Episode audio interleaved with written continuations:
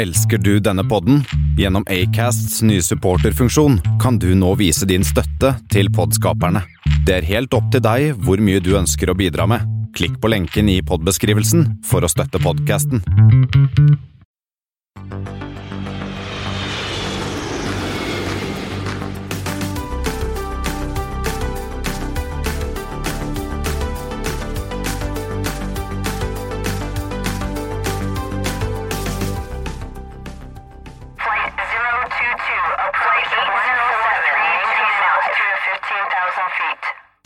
Vi i Flypodden er veldig stolte og glade for å ha fått Avinor flysikring som sponsor.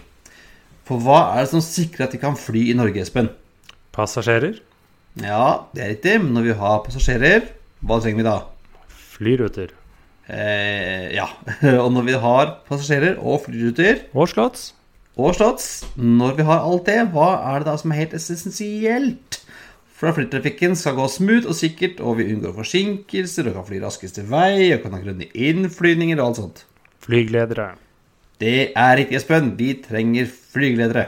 Og akkurat nå søker våre venner i Avinor flysikring etter flere flygeledere. Søknadsskjemaet for å søke om opptak ved flygelederutdanningen i 2020 ligger nå ute på www.bliflygeleder.no. Søknadsfristen er 15.2, men om du mener at du har det som trengs for å bli flygeleder, er det bare å søke allerede nå. Opptaksprøvene starter nemlig allerede i slutten av januar. Studiestart er i september 2020. Men du er vel litt for gammel, eller? Ja, jeg vet ikke om det er noen aldersbegrensninger, men eh, det spørs om Avinor flysikring gidder å spandere en utdanning på en sånn ca. to millioner på en som har kommet såpass langt i livet som meg, Espen. Ja, for i motsetning til siviløkonomiutdannelsen som vi tok, så er flygelederutdanningen helt gratis. Den dekkes av Avinor flysikring. Utdanningen går over to år, og hvor det første er grunnopplæring ved Czech Air Navigation Institute i Praha. Alt du trenger å dekke selv der, er mat og opphold, og kanskje en eller annen pilsner, men det er jo en utdanning som er godkjent av Statens lånekasse, så du trenger ikke å ha spart opp eh, penger. Ja, det skulle vi tenkt på back in the day. Ja, og det andre året, som delvis er praksis på norske flyplasser, er lønnet til og med. Det stemmer. Og tradisjonelt så har jo flygelederyrket vært ganske mannsdominert, men i forrige runde var mer enn 40% av søkerne kvinner. Påstås at kvinner er bedre enn menn til multitasking, og det er jo en egenskap som er ganske god å ha når du er flygeleder. Ja, så hvis du vil vite mer om hva som trengs for å bli flygeleder, hva du kan oppleve og hvordan du søker, så går du ganske enkelt inn på www.bliflygeleder.no. Gjør det! Norsk luftfart er i vekst. Vi trenger flere flygeledere for å sikre at flyene fortsatt kan fly trygt over hele landet. Bli Bli flygeleder.no. flygeleder.no. Flight 022, approach 14325. Hei, og velkommen til Flypoddens Flight 88, som i dag spilles inn på Flytoget. Som vanlig hører du meg, Kristian Kamhaug, og, Espen S. eh, og vi har jo akkurat nå vært en tur og sett på nye 350 til SAS. Vi skal snakke mer om den. Vi skal også se på litt passasjertall og inntektstall for SAS Norwegian. Widerøe har fått et nytt fly. eh, og eh, South African har eh, skjedd, de er i Afrika. Og eh, det har fløyet el- elfly i Canada. Men skal vi bare kjøre på, Espen? Vi eh, kjører på. Har du noen eh, flight-nummer til oss i dag, Christian? Ja, altså 88. Hva tenker du på når jeg sier 88, Espen? Egentlig ikke noe spesielt. Nei, sånn Zorn 88 og sånn, er det sånn det er? Nei. Det er sånn nazigreier.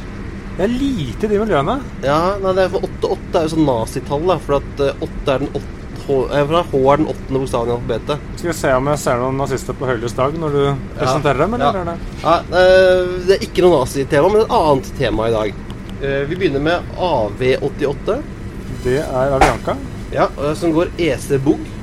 Eh, EC er jo um, um, ECEISA, som er den internasjonale flyplassen i Buenos Aires. Og Bog er jo Bogotá. Bogotá. Uh, Den går med 330 eller 320 eller 787 eller det som de har for hånden, virker det som. Okay. Ja, eh, og så har vi BR88. BR er det, Det er Eva. Eva. Riktig. Eh, Den går uh, CDG TPE Det er jo Paris, og TPE er jo Taipei. ja, med en uh, 777 angevis. Og så har du AI88. Air India. Del BLR. Deler til Mangalore. Ja, eh, Eller tre- Bengaluru, som ja, det heter nå. Heter nå. Ja.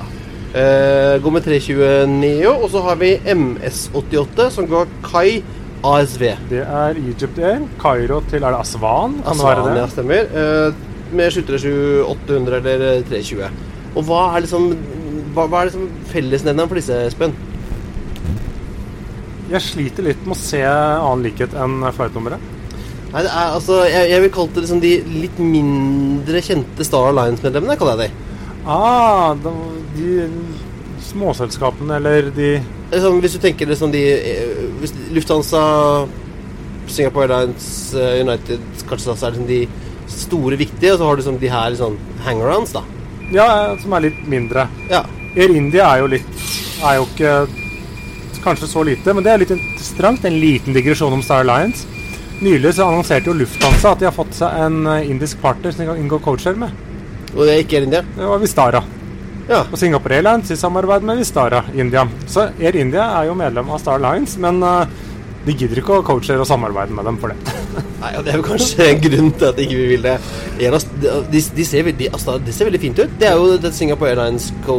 Uh, Singapore, Singapore og Tata, Tata and. Sons. ja, som har gjort dette sammen. Eh, Det ser veldig eh, lekkert ut. Ja, og de får sine De flyr jo De fått- 320 og 320 Neo, og Og får sin første Dreamliner. Dreamliner nå Du har fått den allerede? Nei, jeg har sett den jeg har sett den i fargene deres, men jeg tror den kommer nå på nyåret. Ja. Og hvis noen hører at det, det suser litt, så er det for at toget har begynt å gå. Det stemmer, så Ja. jeg er på vei. Uh, og uh, vi starter vel med å se litt på litt Riktig god formiddag, sier hun. Ja. ja, vi kjører opp henne. Ja. ja vi uh, kjører. Vi begynner jo med Norwegian. Nor- Norwegian sine Og det er gode nyheter. Selv om man ikke skulle tro det, ser man overskriftene. Nei, for man ser jo liksom passasjerantallet er ned 21% og da tenker man jo krise, krise.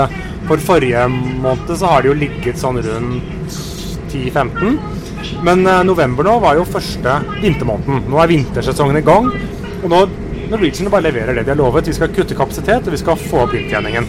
Ja, på kapasiteten er ned 27% Ja, mens da trafikken er ned 23, slik at de har jo et eh, høyere belegg. Så belegget øker til load-faktoren øker til 83 pluss 4% Yielden er opp 12% Rasken er ned 18 Det er jo fra Det er jo litt dead cat bounce, som det heter. Det er jo fra lave nivåer, men allikevel så er det jo en enorm vekst i, i hvert fall relative tall. Ja, og dette det er jo bra for internett. Dette er jo det som eh, Som Geir Karl... Karlsen? Da, Karlsen. har lovet hele veien. Han skal kutte ned, og Ja, de, her kutter- veksten, er, veksten er borte. eh, inntekten skal opp. Ja, for de kutter ut de som, de som de ikke tjener penger på. Og så er det jo den store faktoren du ikke ser her, er at inntektsmessig så ser dette bra ut. Men hva har de klart å kvitte seg med av kostnader? Liksom, Hva koster dem for å ha Max parkert på bakken? Hva koster dem for å ha Dreamlineren parkert på bakken? Det er et spørsmålstegn. Og så er det jo sånn, Nå har de jo begynt å selge flere 700-800-maskiner, og flere har forlatt. Da forsvinner det jo kostnader. Men hva med ansatte? Har de klart å kutte i lønnskostnader? Det er jo det store, egentlig store spørsmålet, hvordan dette ser ut på bunnlinjen. Ja, hjelper vel å ha leid inn folk, da. Så da er det jo lettere. Ja, er de det? Ja, skulle tro det. Ja, altså det Det ser, begynner å se bra ut. Vi, det men vi er jo litt avventende med tanke på kostnadssiden. Men inntektssiden er jo veldig, veldig bra. Ja, og hva skal jeg si, betalingsvilligheten går opp, eller Så det er jo bra. Og så SAS eh, De har jo lansert De er jo ferdig med sitt eh, år. Ja. Regnskapsåret. Så de har levert Der har vi fasiten på hvordan det gikk. Ja, vi skal komme med den. Vi kan se på passasjertallene for november Ja, november, ja, for dette er interessant. Eh, de hadde en bitte liten økning i produksjonen, men litt større i trafikken, slik at belegget deres gikk opp til 70,5% pluss 0,6 prosentpoeng. Antall passasjerer var riktignok ned minus 2% til 2,3 et eller annet, men det er første gang på veldig lenge at SAS har flere passasjerer enn Norwegian en måned. Ja, Så nå er de altså Nordens største igjen. Nå er de Nordens største. Og, men at passasjertallet til SAS faller med 0,2 det er jeg må si, Isolert sett er det jo ikke noe bra, men eh, ser man på at uh, trafikktallene bl.a. Arlanda og litt sånne ting Svenske innenriks som er ned 10-11 så ja, og i Norge nå så var det innom 3-4. De har ikke kommet alle flyplassene, så derfor snakker vi ikke så mye om det uh, denne gangen. Men uh, eh, sånn at i et fallende marked så er SAS flate. Så de tar jo markedsandeler. Ja. Uh, og yielden er jo fortsatt sterk. Det var ikke så kraftig vekst denne gangen. sånn rundt eh, prosent eller to, avhengig av om det er nominelle eller reelle beløp. Men eh, den holder seg og vokser stadig. Slik at de Ja, får mer betalt per flyvning de har. Ja, Noe av den nedgangen kan vel skyldes Hongkong også? Ja, det er som sagt ehm, Det er jo et av de usikkerhetsmomentene nå på SAS. Er jo da Longhold sier jo SAS at de går egentlig ganske bra, på tross av litt sånn Det er jo litt sånn shaky økonomitider og uh, handelskriger osv. Og, så og så er det jo problemet med Hongkong. Der kutter de noe ned på kapasiteten, men det er jo ikke et SAS-problem. Det er jo alle sliter i Hongkong om dagen. Så da, så da vil si, altså Hvis svensk innenriks er litt ned, og norsk innenriks er litt ned, dansk innenriks er ned, og Longhold er litt ned, så er, må Europa gå innmari bra, da? Ja, eller eventuelt at SAS faktisk SAS innenriks er flat. For det som tyder på, er jo at uh, mye av fallet nå kommer fra kutt hos Norwegian. Det så man bl.a. I, i Finland. Uh, normalt så er jo liksom flyplassen i Helsinki og finner er jo ofte en litt sånn én-til-én-greie. Men eh, flyplassen i Helsinki hadde en svak vekst. Finner vokste kraftig. Så er, forandringen der er rett og slett mye Norwegian-kutt i Helsinki. Så det, altså, At Norwegian kutter, er bra for Norwegian, og at Norwegian kutter er bra for SAS og Finnair.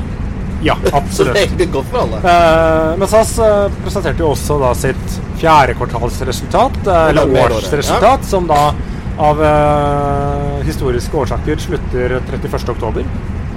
Uh, Og de hadde jo guidet på rundt 700 millioner i årskudd? 700-800 millioner kroner og endte på 785 millioner overskudd eh, såkalt før skatt. da. Eh, du skal se på Driftsresultatet var 1,1 milliard svenske kroner, men de, de leverte akkurat som de hadde sagt eh, tidligere, så det var i og for seg ganske kjedelig. Ja, Og en sånn margin på rundt 3% det er jo der hvor SAS har ligget lenge. Ja, og de sier at de er ikke fornøyd med det. Men de, de varsler nå litt om lavere vekst og økt konkurranse neste år. Jeg mener de har gjort det hvert eneste år. Det gjør de Eh, alltid. ja, men sier nå de kanskje håper å treffe på et overskudd mellom 1,2 og 2 milliarder svenske kroner. For det, er ikke, det er jo relativt likt det de gjorde i år, hvis vi da trekker fra at den streiken kostet 600 og et eller annet millioner kroner. Så er det som, og det som er litt de mørke skyene på himmelen, er jo fortsatt usikkerhet rundt øh, oljeprisen skal være. Oljeprisen, hva skjer med Hongkong, hva skjer med den globale økonomien? Og så kommer det litt an på øh, SAS er jo et av de selskapene som nyter godt av at det er jo mye maksfly parkert rundt omkring. Hva skjer når de får begynt å fly og kommer på trafikken i Europa igjen? Hvordan vil det påvirke SAS? Jeg er litt usikker på hvor, hvilken stor grad det vil påvirke det, men det er absolutt et, eh, et eh, tema. Også Hvis vi ser på fjerde kvartal for SAS allerede, så hadde de 1,2 milliarder svenske kroner i overskudd eh, før skatt. Og det var faktisk eh, 400 millioner kroner bedre enn i fjor. Ja, for fjerde kvartal er sånn den er, ikke, den er ikke så ille som første kvartal, men Nei. det er ikke den beste. Nei, for SAS, SAS sitt fjerde kvartal er jo egentlig en blanding av tredje og fjerde kvartal. Så er, man blir litt sånn lurt hvis man skal sammenligne selskap til selskap. Så man må egentlig se på årsresultatet. Men det jeg syns egentlig var spennende med når dette ble lagt fram, vi linker jo selvsagt til både presentasjonen og rapporten deres, er jo at for første gang så innrømmer SAS veldig åpent at å ja, at 900-ene våre er for små for noen ruter, og de nye 320 Neoene våre blir for store for andre ruter. Noen har vel snakket om det før.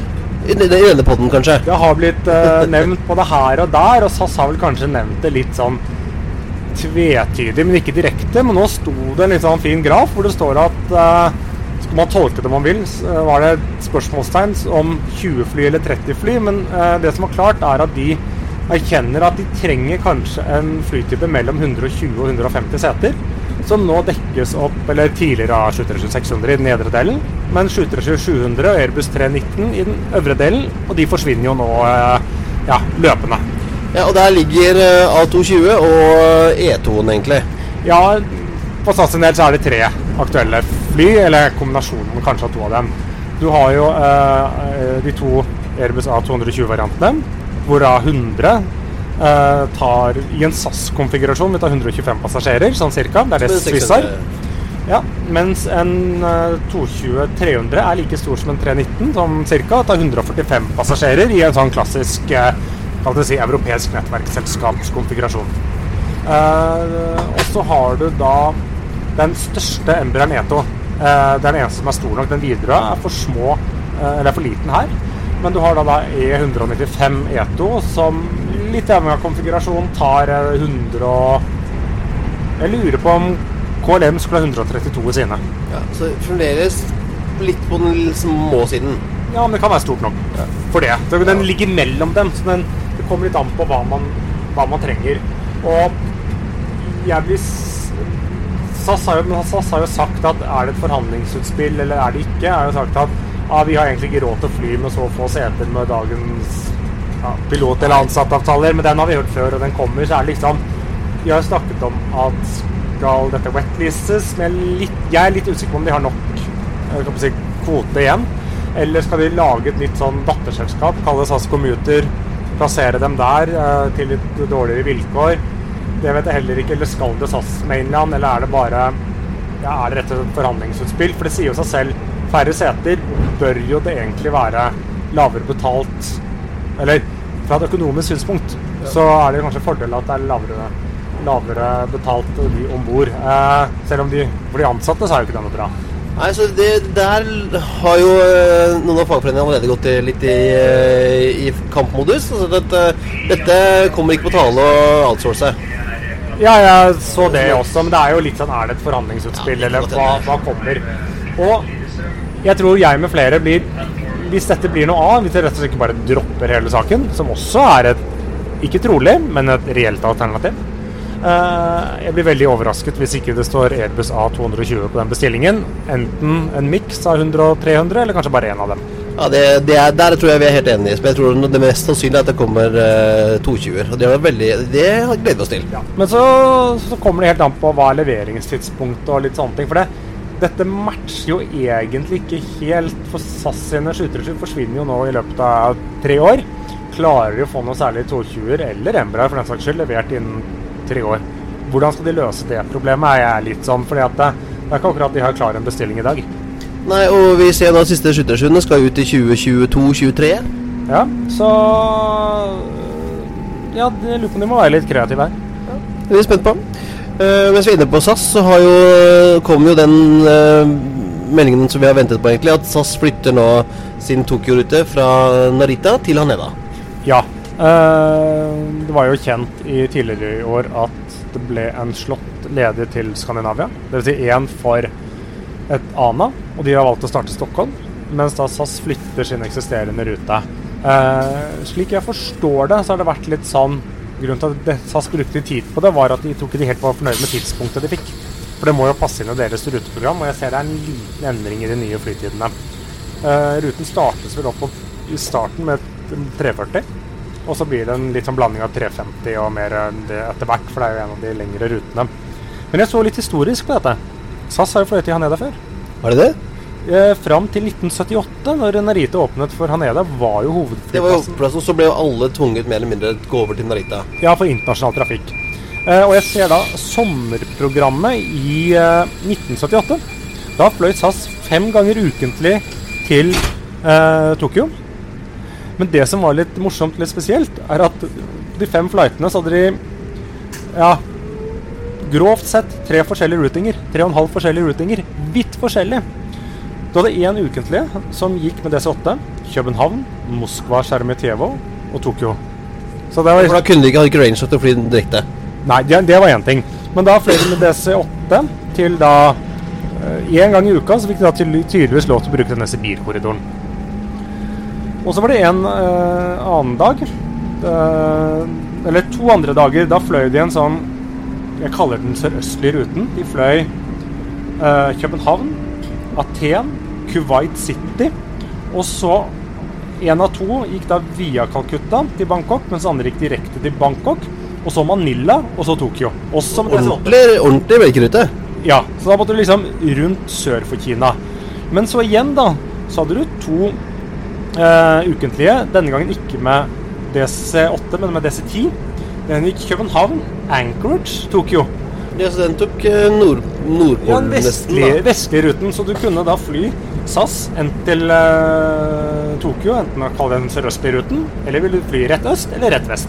Så du kunne fly verden rundt, egentlig, hvis du tok en tur i tur. Ja. Interesting. Ja, ja. Og fra SAS og 340 og store fly, så skal vi jo til Widerøe. ja, for vi snakket jo tidligere om at vi hadde jo snoket litt i postjournalen. Postjournalen, snoket i postjournalen, Ja, og om denne Ellen FVB, en Dash 8 Den er Flyway Viking. ja, 100-maskin. Og den er jo nå malt i viderefarger, og den er jo ikke malt som de andre Dashene. Nei, den er malt som E-tone. Ja, øh, og slik jeg forstår det, så skal øh, videre male om de andre Dashene etter hvert. Altså istedenfor den øh, De bytter ut den grønne måka på hvit hale med denne grønne, disse grønne fjellene. Fjellene med hvit Er det måke på den nå? Er ikke Jo, måke det er jo på det den? er måkepann. Jo. Eh, og blå grønne motorer. Ja, ordentlig grønne. Jeg, var egentlig litt skeptisk til eh, det nye designet når det kom på E-tone. Jeg syns det var litt kjedelig. Men jeg syns den ble veldig fin på, på Dashen. Altså. Ja, og så blir det da et system i det, for da har du kan man snakke om de røde, de grønne og de blå i langt større grad i norsk luftfart. Godt, godt, godt. Vi legger selvfølgelig ut bilder eh, på flypodden.no. Uh, og så skal vi innom Afrikanyhetene. South African. eh, vi er tilbake til de. Espen. der har skjedd mye siden sist. Ja, eh, myndighetene har jo nå sagt at ja, selskapet er, eh, er ikke liv laga i den forstand det er nå. Så de er satt under en såkalt Business Rescue Plan. Ja, det er vel tilsvarende som slags amerikansk chapter 11 eller noe sånt, på en måte. Ja, eller noe sånt. Ja. Det var det, og så har de da tilført vel en milliard kroner i første omgang for å liksom ha råd til denne restruktureringsprosessen sin. Så er det ikke sagt så mye hva den kommer til å gå ut på. Den blir nok en litt sånn total forvandling. Både vi skal se på ruter og hvordan de driver det, og eh, hvordan de legger opp dette. De har bl.a. nå mottatt sine første er det fire 350-maskiner. Ja. Som de leaser av andre selskaper som ikke hadde råd eller mulighet til å ta dem. Ja, men jeg så i denne planen, så de fikk disse to milliardene rand, og så forsvant plutselig de kuttene på 900 paks, nei, på mennesker, det forsvant plutselig òg. Eller kanskje dukker opp igjen. Ja, ja, altså Uansett, vi skal sikkert tilbake til Sør-Afrika om ikke så altfor lenge. Uh, og eh, så tar vi en liten rask tur innom Canada, Espen, for vi snakket jo om dette forrige uke, eller forrige uke siden kanskje, at Harbour Air og disse Magni X har jo bygd om en gammel Det er vel en Beaver 1957-modell Ja. fra stempelmotor til elektrisk. Ja, og de, vi trodde de skulle ha First Flight samtidig med disse Wright Brothers. Ja, eller samme dato, men 17. de, desember, men- de hadde i dag 11. Ja, De fløy i tre minutter. Uh, ja. Men det er fire ganger så langt som disse Wright Brothers. De fløy vel i I 40 sekunder. er. Eh, og de har også testa nå en Beaver sjøflymaskin uh, med elektromotor. Og den har visstnok dag en rekkevidde på 20 minutter. Og det kommer jo ikke langt, hvis ikke det heter Harbour Air, selvfølgelig. Nei, du skal vel over et sund omtrent, eller et eller annet. Ja, fordi ikke. flyet har sånn sånn 40 sånne sjøfly, om det er noen Beaver og Ottere og noen Cessnaer, som flyr rundt nedi rundt Vancouver Island. Og de flyr ikke så lange turer. Så det er perfekt for dem å teste ut elektromotorer. Ja, men de skulle vel kanskje ønske litt lengre rekkevidde. Ja, men altså begynne. Husker hvordan det var med buddiesene for ti år siden, Espen? Ja, de kommer vel seg ikke ut av Oslo sentrum? eller? Nei, omtrent ikke. Så det, jeg, dette, dette er jo også en, en milepæl. Det er jo verdens første kommersielle fly med elektrisk motor. Ja. Uh, og det uh, har, Harrier har jo sagt at de skal uh, gå helelektrisk om ikke så mange år, så det blir interessant å se. Så vi snakket jo litt med han eh, Lars eh, Resare, som er eh, holdbarhetsdirektør i SAS også på Gardermoen. Han eh, har også fått med seg dette. Og det skjer mye ting på, både på el og på biodrivstoff og andre holdbare måte å drive flytrafikk på. da. ja. Men uh, ukens anbefaling da, Christian?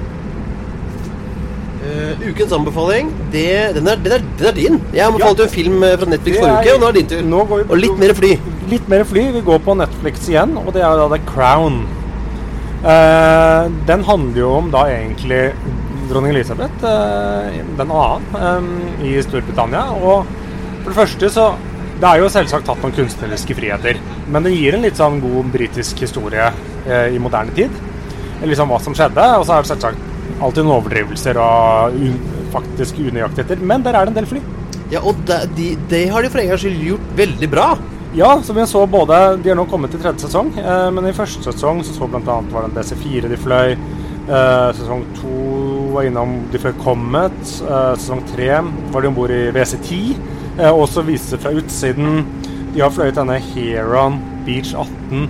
Lurer på om den der Hawker Sidley Ja, 100 748 det er 140, og det er 125 også innom, som prins øh, Hva heter han nå? Charles. Nei, faren hans. Philip. Philip han flyr. Han vil gjerne fly opp i verdensrommet med Ja. denne.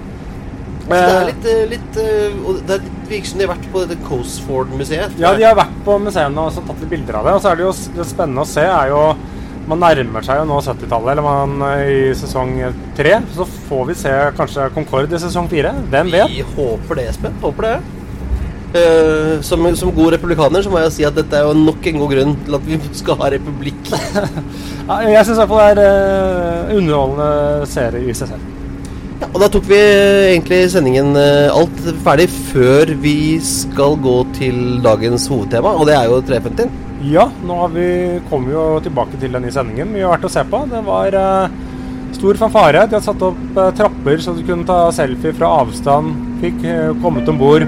Fikk ikke lov til å trykke på noen knapper, men eh, altså, fikk ikke testet alle funksjonene på bordene. Og stolene, riktignok.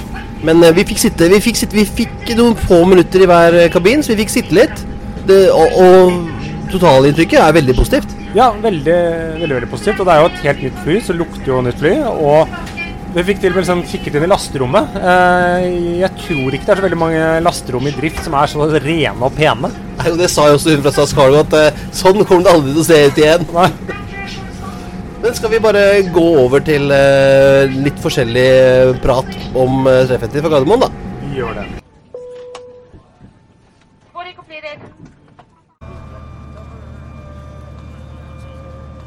Da har dagen kommet, og til å ønske velkommen og fortelle oss mer om dette fantastiske flyet som vi ser bak oss her nå. Ta vel og godt imot senior norgesrepresentant og CFO i SAS, Torbjørn Wist.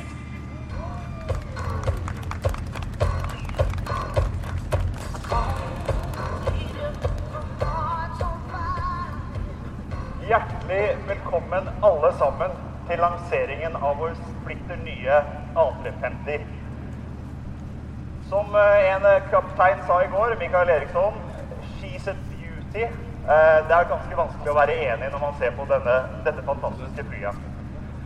Det er en stor ære for meg å være her i dag, og det er en stor dag for SAS, da luftfarten betyr noe for oss alle. Den ivaretar en ekstremt viktig funksjon i samfunnet og kobler sammen land, kulturer og mennesker på en effektiv måte. Luftfarten skaper verdier, utvikling og arbeidsplasser, og får selskaper til å blomstre med tilgang til kunder over hele verden. Man kan leve og bo her i fantastiske Skandinavia, og samtidig være i samhandling med et globalt fellesskap. SAS bidrar med over eh, 20 000 arbeidsplasser i Skandinavia, både internt og med alle underleverandørene som leverer tjenester til selskapet vårt. Og gode flyforbindelser gjør det også mulig for store globale virksomheter å etablere eh, virksomhet her i Skandinavia. Det er noe som er fantastisk positivt ved det å kunne oppleve nye steder, kulturer og bli utsatt for nye ideer.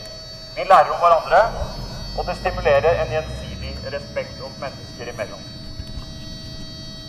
I SAS så er eh, vår holdning at det, dette med bærekraft er et eksistensielt spørsmål. Vi og resten av bransjen eh, har et stort ansvar for å finne mer miljøvennlige eh, måter å operere på. Og vi har vært veldig tydelige på at vi må raskt sørge for et grønt skifte mot en mer bærekraftig fremtid. SAS jobber hardt for å redusere eh, både sin klimapåvirkning og utslipp. Og et av våre mest dristige mål det er å redusere CO2-utslippene med minst 25% innen 2030. Dette er en av grunnene til at vi gjør en kjempeinvestering i en ny flyflåte. Og dette eh, vakre flyet her er jo et godt bevis på akkurat det. Det stopper selvfølgelig ikke der. Vi leter etter bærekraftige løsninger i alt vi gjør. Og det går på alt fra tekniske løsninger til nye rutiner. Vi har f.eks. nå kuttet plast fra våre kuber, og det vil redusere plasten med 50, 000, uh, 50 tonn per år. Og det er klart at i, i, i SAS så er det kontinuerlige arbeidet som våre fantastiske ansatte gjør, nøkkelen til en uh, både bærekraftig og konkurransedyktig fremtid. Vi viser lederskap på dette med bærekraft gjennom våre mål, aktiviteter og store investeringer i flåten. Jeg vil allikevel benytte anledningen til å understreke at dette er ikke noe som vi kan gjøre alene. Eh, Det er som vi nordmenn sier, det er en stor dugnad hvor alle kanskje også spesielt myndighetene, har en rolle og må bidra. I dag så handler det dessverre altfor mye om å straffe aktørene med høye avgifter, i stedet for å stimulere og skape forutsetninger for et grønt skifte. Med andre ord, vi trenger mer gulrot og mindre pisk, ikke motsatt. Vi har vært veldig tydelige på at vi ønsker at myndighetene skal skape insentiver for produksjon av biodrivstoff, slik at vi kan ta ned våre utslipp vesentlig. Da SAS ble stiftet i 1946, sa Markus Wallenberg To move from the old to what is about to come is the only tradition worth keeping. Tradisjonen tro er det derfor gledelig å kunne presentere vår nye A350, og dette er en ankomst som gjør oss svært stolte. Dette nye og mest drivstoffeffektive eh, flyet på markedet, som jeg så ble kalt for The Eyeliner, kanskje pga. den eh, vakre masken her, er et viktig symbol som tar SAS inn i fremtiden. Og dere vil være noen av de første som da får oppleve flyet både fra utsiden og innsiden. Dette er det første av åtte A350-er som skal erstatte våre A340-er. A350-en vil operere på ruter fra USA, til USA og Asia, inkludert Chicago, Beijing, eh, San Francisco og Tokyo i forbindelse med OL 2020. Den første flyreisen eh, fra København til Chicago vil finne sted i slutten av januar 2020. Skroget eh, på dette vakre flyet er laget av 53 komposittmaterialer, og motorene krever svært lite vedlikehold eh, og produserer svært lite støy sammenlignet med hva man tidligere har vært vant med. Eh, sammenlignet med A340 så reduserer dette flyet drivstofforbruket og derigjennom utslippene med eh, 30 og støynivået, litt avhengig av hvordan man måler det, reduseres med 40% Flyet er vel 67 meter langt, har 300 seter, hvorav 40 i business, 32 i pluss og 228 seter i go. Maks rekkevidde er 13 800 km, eller ca. en tredjedel av jordas omkrets på litt over 40 000 km. Våre designere og ingeniører har jobbet for å forbedre alt hva gjelder komfort, eh, funksjonalitet og estetikk om bord. Og mange av de funksjonene vi har om bord, er basert på tilbakemeldinger vi har fått fra våre kunder eh, gjennom årene. Moderniseringene inkluderer forbedrede kabiner med mindre støy, mer komfortable seter, intelligent lys og osv. Og arbeidsmiljøet for kabinpersonalet og pilotene er også kraftig forbedret. Vi har også utviklet nye mat- og drikkeopplevelser, og noe kan dere få sample her i dag. Vektreduksjon har også vært et viktig tema, og derfor har vi jobbet hardt med å ta ned vekt på bl.a. seter, tepper og andre komponenter i flyet.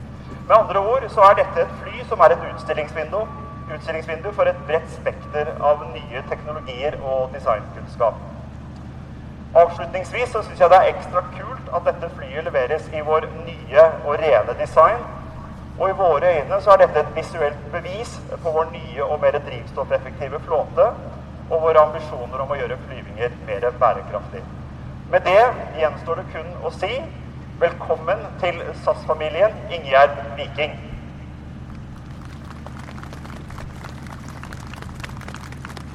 Till eh, vår lilla showjuvel eh, Airbus 350. Vi skal alldeles seks gå ombord. Vi er faktisk the lucky guys så vi går ombord bord først. eh, Det finns lite regler där inne. Vi får inte trycka på några knappar, inga skärmar. Vi får inte gå in i cockpit.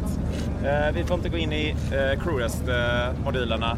Ni kan ta bilder utifrån men dessvärre så får vi inte gå in där. Så tre minuter har vi på varje station så jag kommer hålla ett tempo.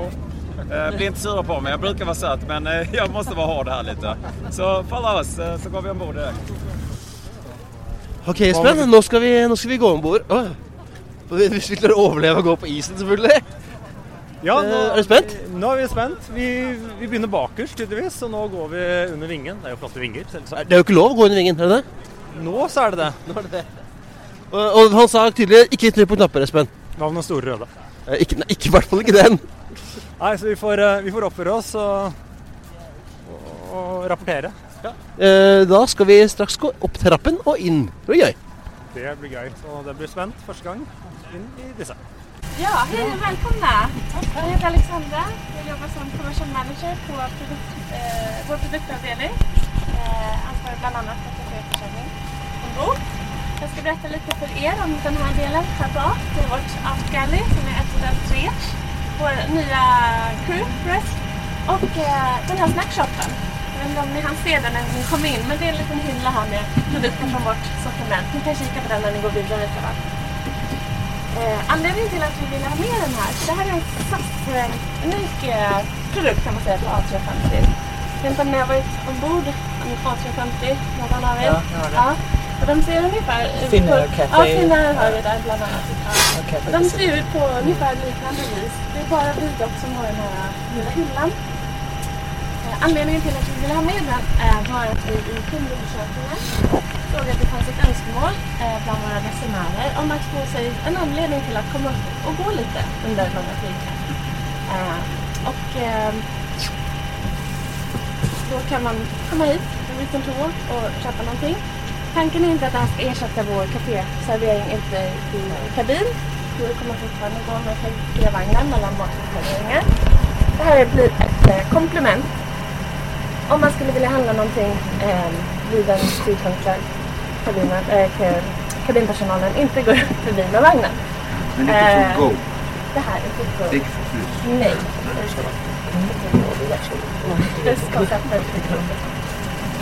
Det här är alltså som ett komplement till våra GoPro-passagerare.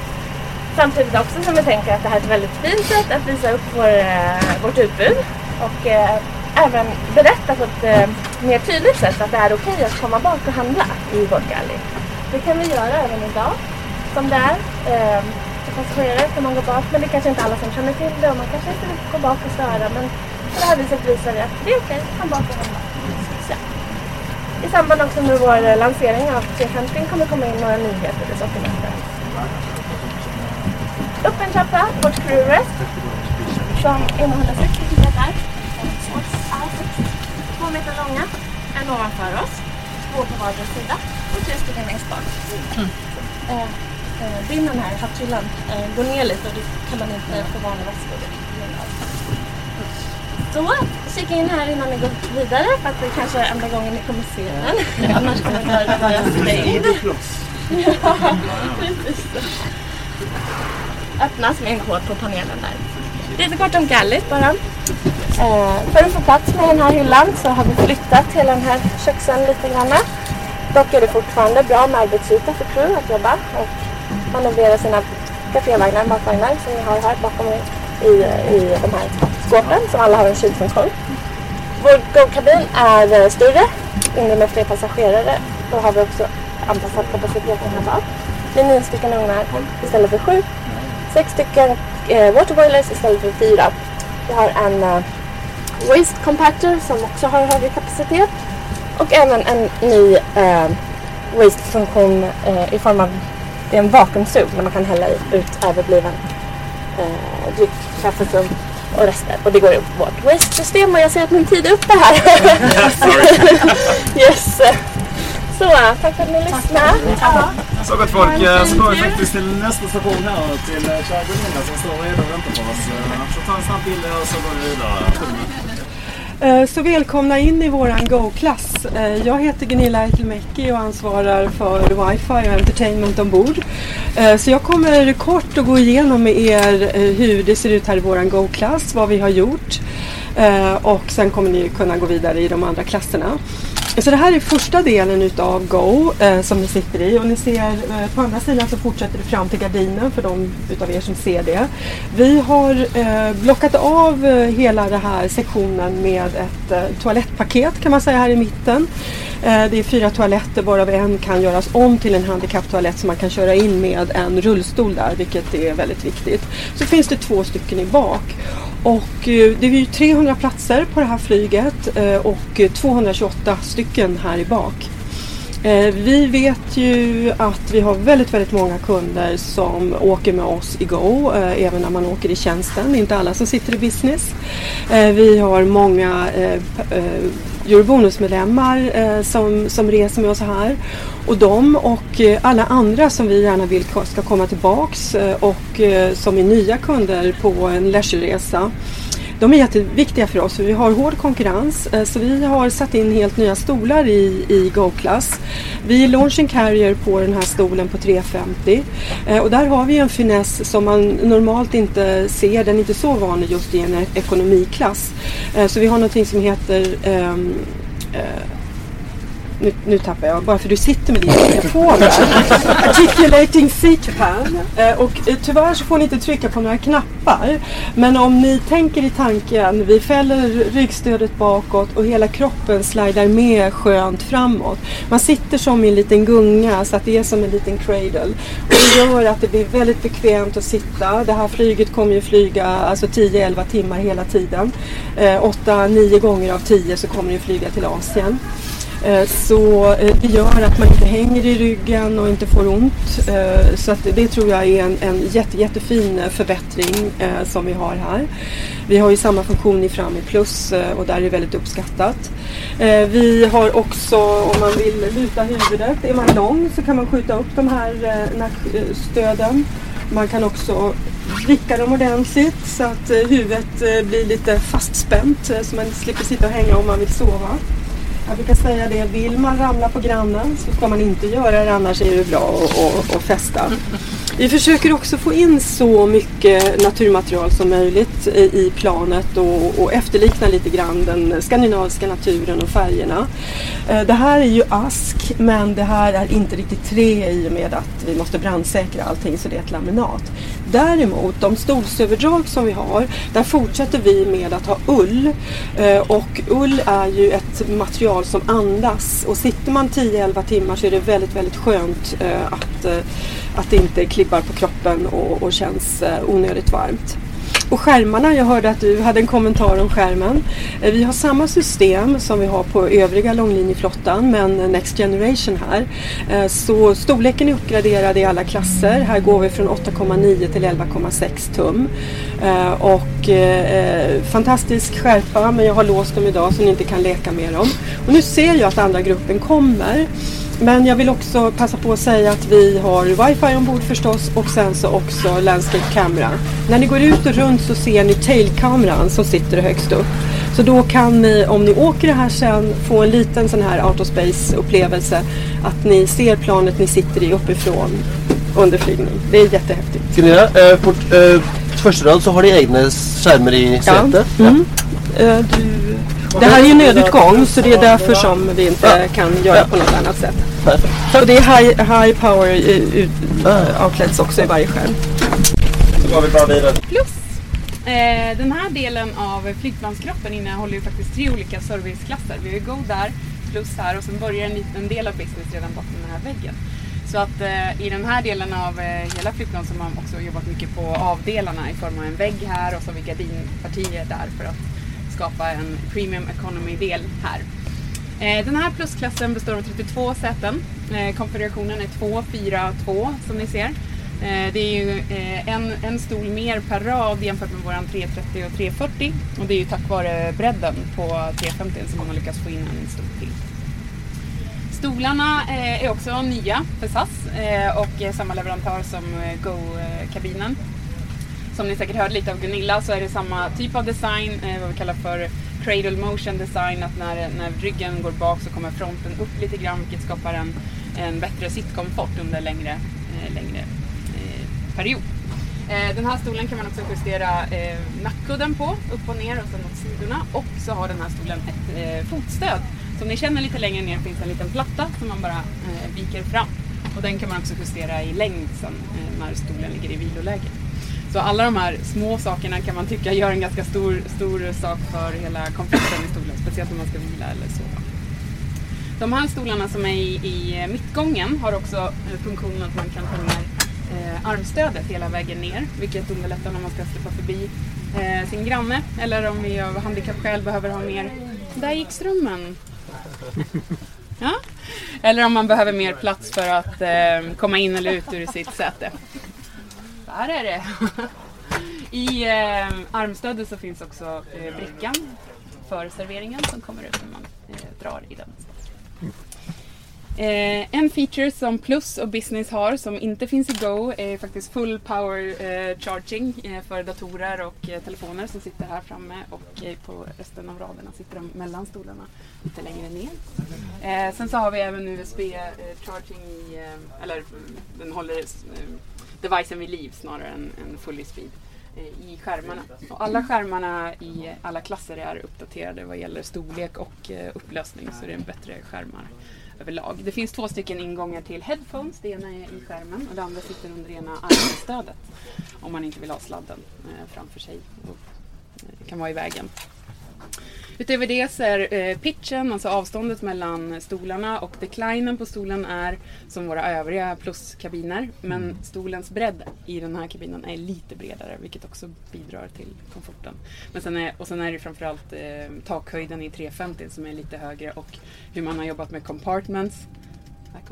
Ehm, som gör att man liksom, vi pratar ju mycket personal space i ett säte och det behöver inte bara handla om benutrymme utan det handlar också jättemycket om hur det känns eh, runt omkring och det kände ni säkert när man, när man kommer ombord och så är det ju alla, i alla tre klasserna. Ehm, vilket är väldigt positivt. Det är plus. Ja. Så forsar vi videre til nästa klass och så ska vi till vår lilla refreshment area. Så vi tar det och Eh, välkomna! Nu har ni kommit till anhalten här ombord som är vår business class refreshment area. Så det här är den eh, delen av ytan som eh, våra business class-resenärer också kan få ta del utav. Och det vi har valt att visa er idag är uppdykningen när det är eh, in between service. Alltså mellan, man har intagit första serveringen av mat och sen så mellan om vi väntar på den andra serveringen. Det kan vara en, två tre timmar där ibland. Eh, och då kommer vi presentera det här för våra resenärer. Och tanken är att man ska komma tillbaka hit till oss eh, och ha någonting att liksom dricka eller någonting sånt eh, och snaska på eller så. Eh, och det vi har gjort, om ni känner till vad en 330 eller en 340 är att jag har tagit bort väggen och gjort ytan mycket mer öppen. Och det är en specialdesign som Airbus har gjort tillsammans med oss och bara finns bara på SAS på 350.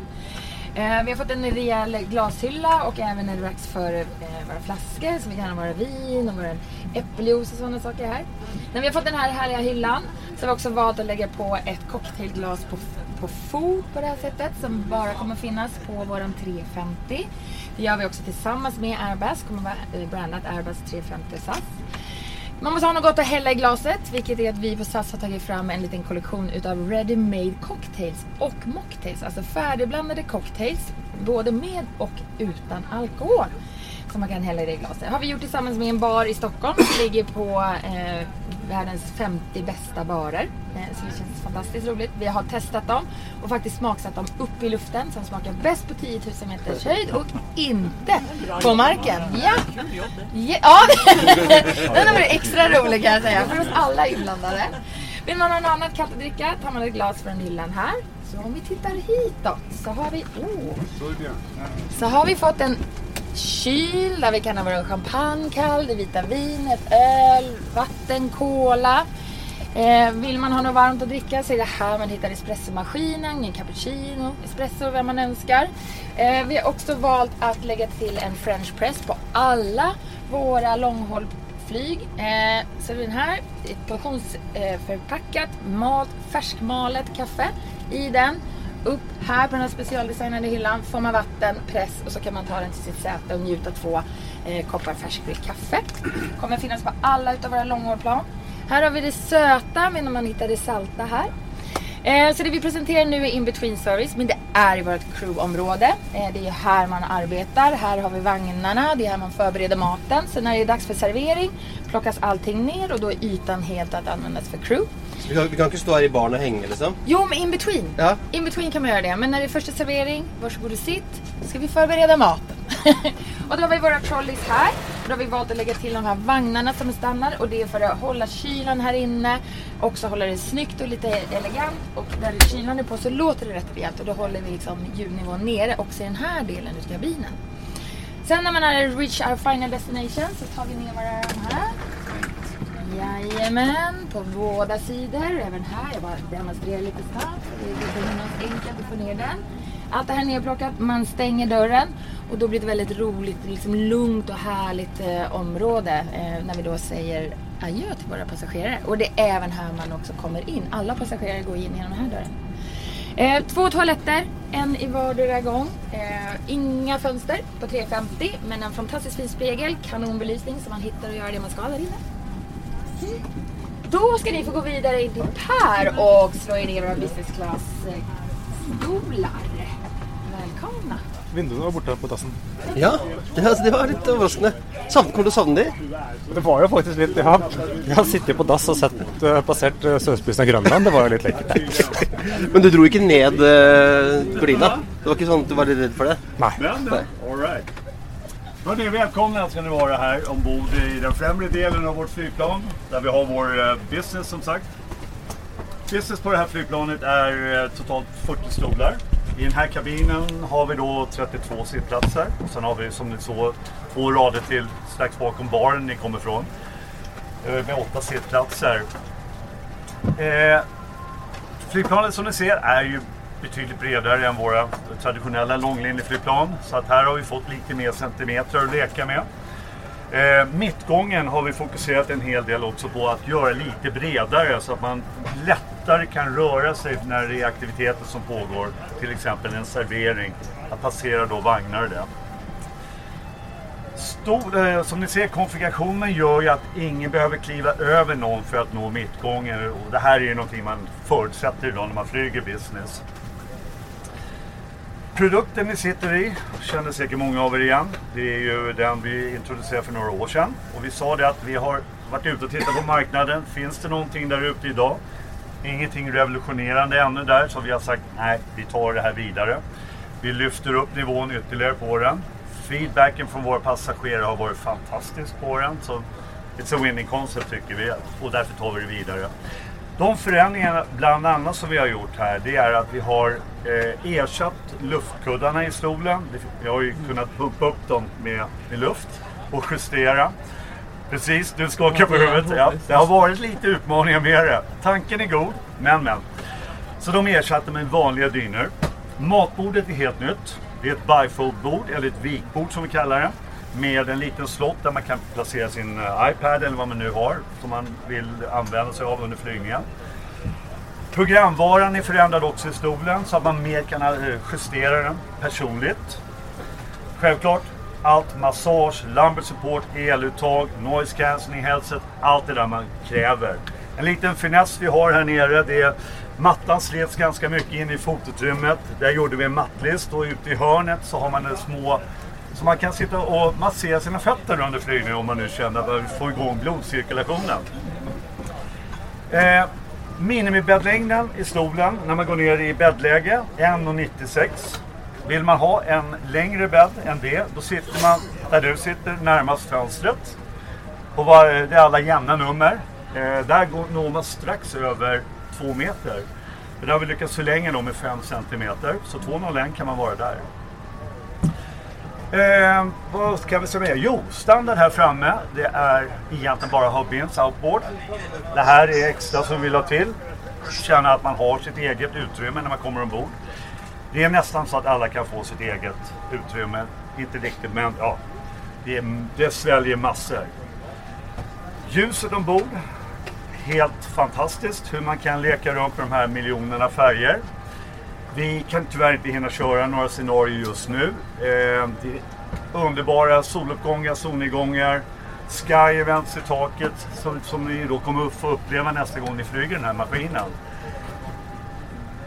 Det som är lite här som ni ser kommer ner från taket. Här har man också utnyttjat den volymen som inte skäl utrymme i kabinen. Det här är ju ganska dyra kvadratmeter vi håller på att leka runt med. Så här uppe finns eh, två sängar och så finns det även en fåtölj för våra piloter att varva ner, eller varva ner, utan vila ner sina tjänstgöringspoäng. Så att det är väl utnyttjade ytor man har disponerat i det här flyget. Det var det jag snabbt skulle presentera innan vi har nästa grupp som ramlar in här. Så ta då, ja, då följer ni med. Ja. Hvordan føltes stolen, Espen? Jo, den føltes bra. Nå har jeg riktignok ikke prøvd den nye businessklassen etter den gamle, men det var absolutt bra. God plass. Eh, også, hva skal jeg si, stor skjerm. Ja, og passa bra for dine lange bein? Den passa veldig bra for mine lange bein. Men du kommer til å booke vindu, vindusplass? Jeg er en vindusfyr. Alltid. Alltid. Eh, Jeg heter eh, Jeanette. Jeg jobber med Pass Hode. Jobber med salg på SAS Cargo. Jeg skal ta fort om litt sånn hovedtall. da. Altså Nyttelasta på denne maskinen her er 50 tonn. Normalt, hvis maskinen er full av reisende, som vi ønsker den skal være, så får vi 20 tonn som vi kan fylle med cargo. Er det litt mindre reisende, så kan vi få alt fra 30 til 36. Nå i sesongen før jul så er det peak-sesong for oss på SAS Cargo. Så får vi normalt 35 til 35 på New York-maskinen eller SK907. To tredjedeler av det vi sender ut fra Norge, er fisk.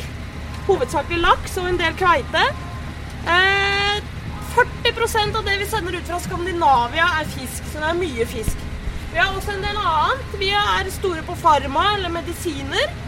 Eh, En del av det er veldig sensitivt og skal være temperaturregulert.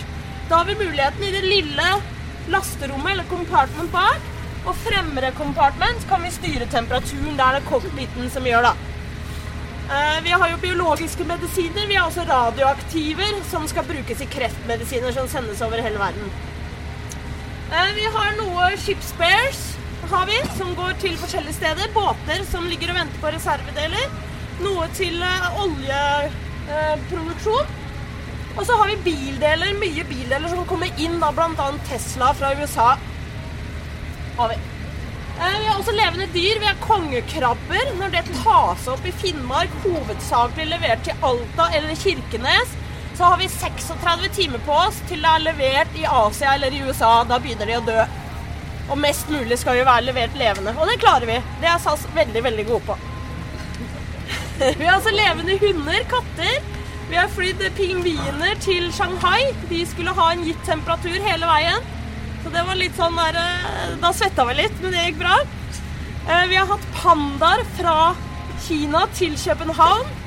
Eh, Det klarte vi også veldig fint. Vi har hatt ulver fra Troms til London. De ble skuespillere.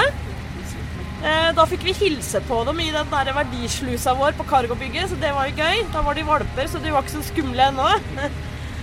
Og så går det en del post. Det er jo mye post nå for jul, eller småpakker. Og andre småting. Men så er det alltid sånn at det er bagasjen som har prioritet, da. Så hvis vi har booka på for mye, og det er mye bagasje eller mye spesialbagasje, det er alltid en greie til Las Palmas, mye golfbager, så blir cargoen kasta av, og så må vente på neste maskin. Da har jeg vel brukt mine tilmålte tre minutter. Tusen takk. Nei, her lastes det bygges på sånne flypaller, eller PMC-er. da. Det er sånne brett. Hvor du ser de små hjulene der. Så skyves de inn, og så framover. Ja, jo, du bruker konteinere også. Men fisken bygget på sånne brett, da, for da får vi opptil 4-5 tonn per brett. Men det går mye konteinere, det gjør det.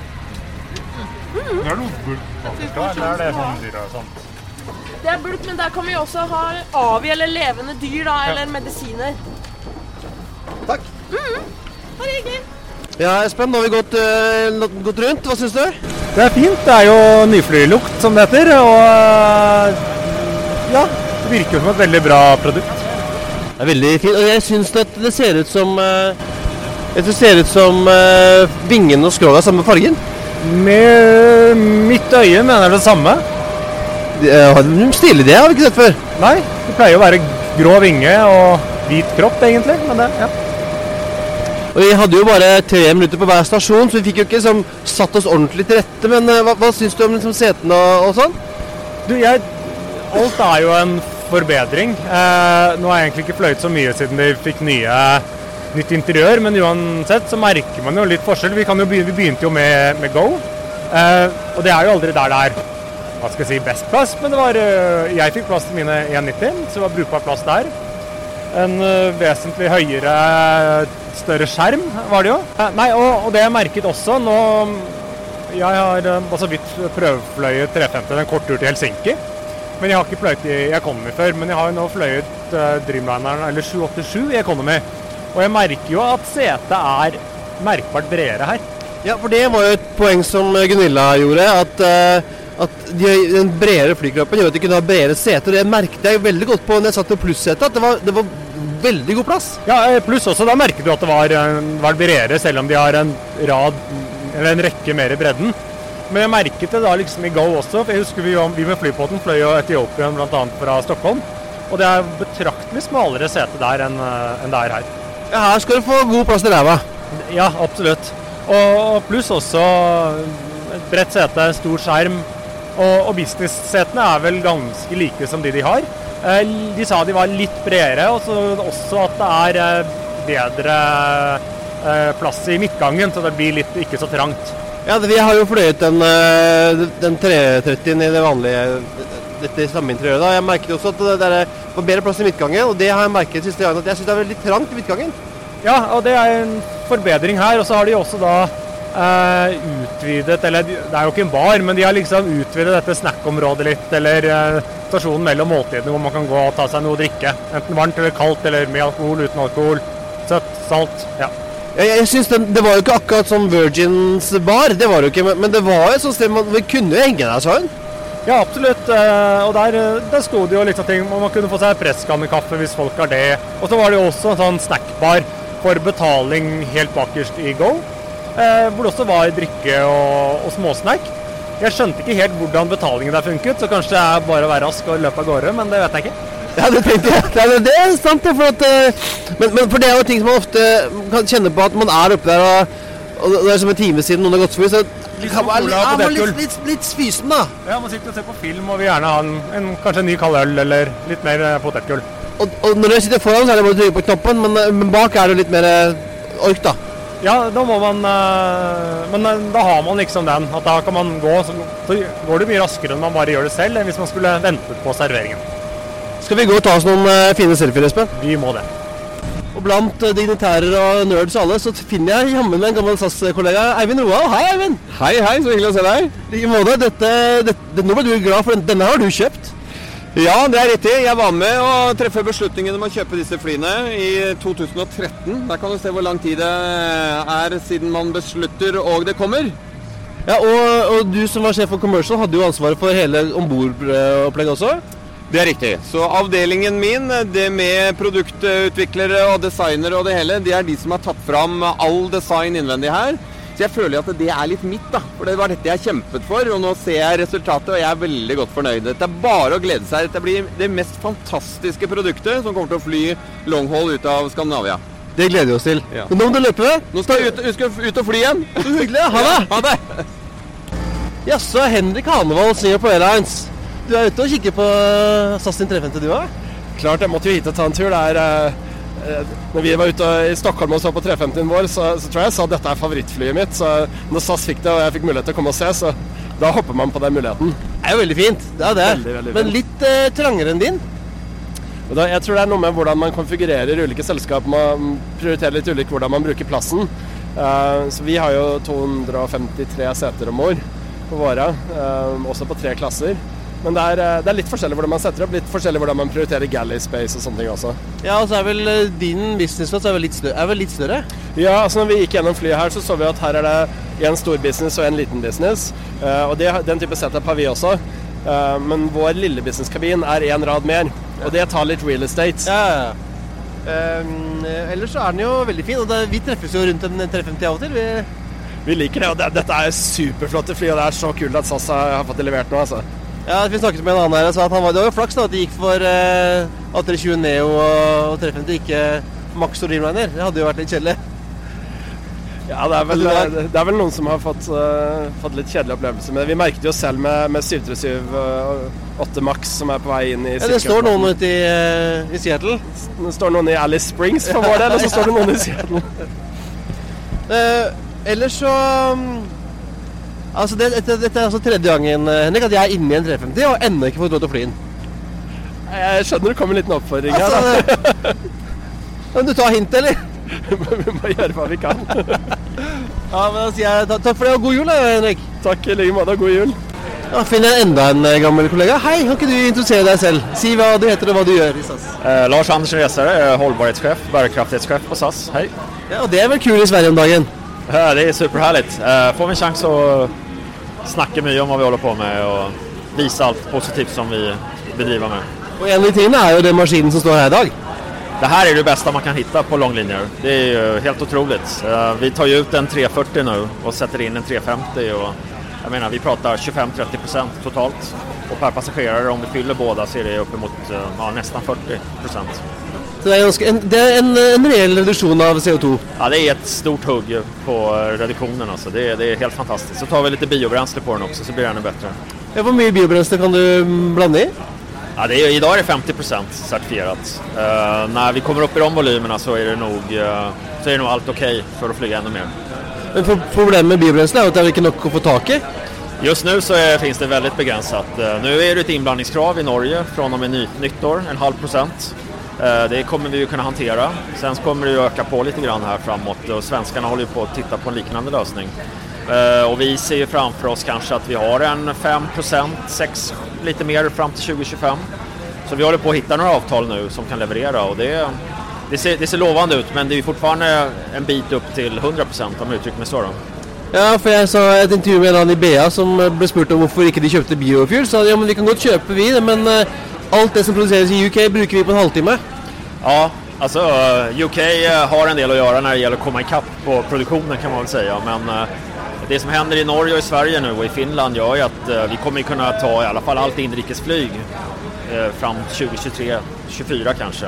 Eh, Om det bare hittar en köpare, for det finnes jo finns ju enn bolag än oss. Og Hvilke andre initiativ er du jobber med nå på miljø og bærekraft? Ja, men just nu är det ju introduktionen av 320 Neon. Eh, Det är ju 80 stycken, eh, vi har ju fått 29 stycken. Det är ju en fantastisk eh, omställning från sju, gamla äldre 737 då. Eh, Sen är det 350 som kommer in, biodrivmedel och så håller vi på med elflyg också med Airbus. som Ja, det ser jeg at du holder på med. Ja, og och det, det handlar ju om att se vilken teknologi som skulle kunna vara intressant och framförallt hur den påverkar vårt trafikprogram. Så Airbus och andra utvecklar flygplan, det håller ju inte vi på med. Men vi tittar på hur, vad händer med de specifikationer som de ger oss. De har ju koncept, de har gjort ett antal koncept som vi egentligen bara lägger rakt upp och ner på vårt trafikprogram nu. Och så ser vi hur många mer, fler flygplan kan vi behöva, hur många färre, hur mycket längre tid tar det, hur ska det här fungera i praktiken. Och sen kommer vi här lite utöver nyttår så kommer vi in på vad kostar det.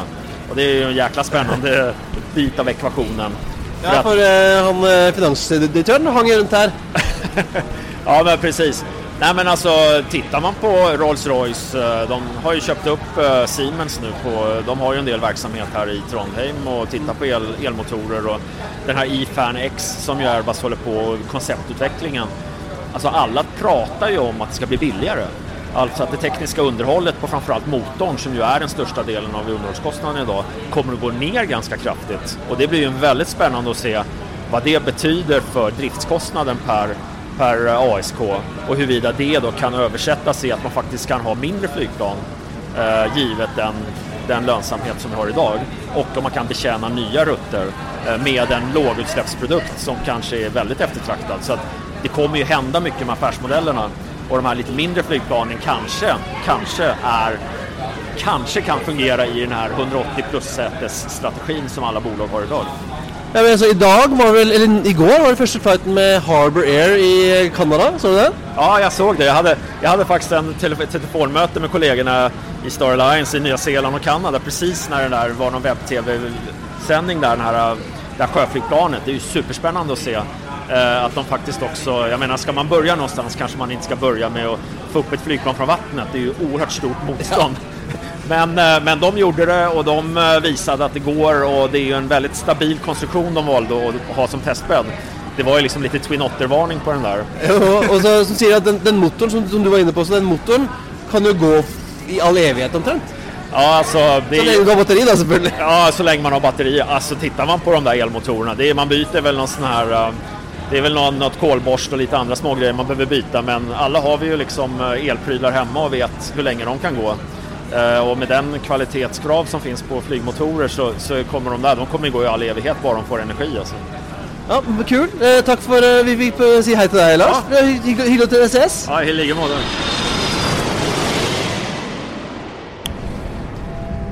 Ja, men Det var gøy, Espen. Vi får si tusen takk til SAS for å invitere oss. Det var kjempebra. og deg jo det er jo ingenting som er så fint å bare komme litt. Eller flytur er jo veldig bra, men også bare få komme litt og klappe litt på flyene og kikke litt og, og gå litt rundt. Så traff vi mange kjente òg. Ja, det også. Det var andre både podkastere. Hilste på Henrik Asheim, som vi var intervjuet for Ja, og litt siden. Han var veldig glad for at Det virker som at han endelig fikk en invitasjon. Endelig ble han invitert, og vi pratet jo med Henrik Hanevold fra Singapore Airlines som var der, og, og Eivind flere. Roald. Eivind Roald. Jeg så Dag Falk Pedersen var der òg. Ja. Uh, Marius Lorentzen fra E24 var der. Ja, eh, så det var eh, godt oppmøte, og flere som kjente oss igjen. Det var gøy. Ja, absolutt. Ja. Men det var vel egentlig det. Eh, Det er på tide å feste settebeltet og felle opp, felle opp bordet og ta opp den gardina. For Flight 88 er på vei til eh, å lande. Og vi er på vei til å lande snart i Sandvika med flytoget.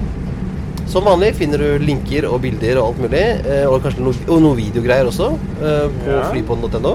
Du finner oss på facebook.com slash flypodden, på Instagram at flypodden og på Twitter at flypodden. Og på LinkedIn. Kan du søke oss på Flypodden der også? Ja, vi har egen LinkedIn-side. Ja, det er to ansatte i Flypodden. Eller er vi tre?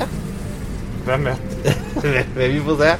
Eh, og ikke minst, denne episoden har jo vært sponset av Avinor flysikring. Ja, så gå og søk jobb. Ja, eh, ikke glem Utdannelse er det verdt. Ja, så gå inn på bliflygeleder.no for å lære mer om hvordan man blir flygeleder. Ha det bra! We thank you for flying with us today. We truly appreciate your business and look forward to serving you on a future flight.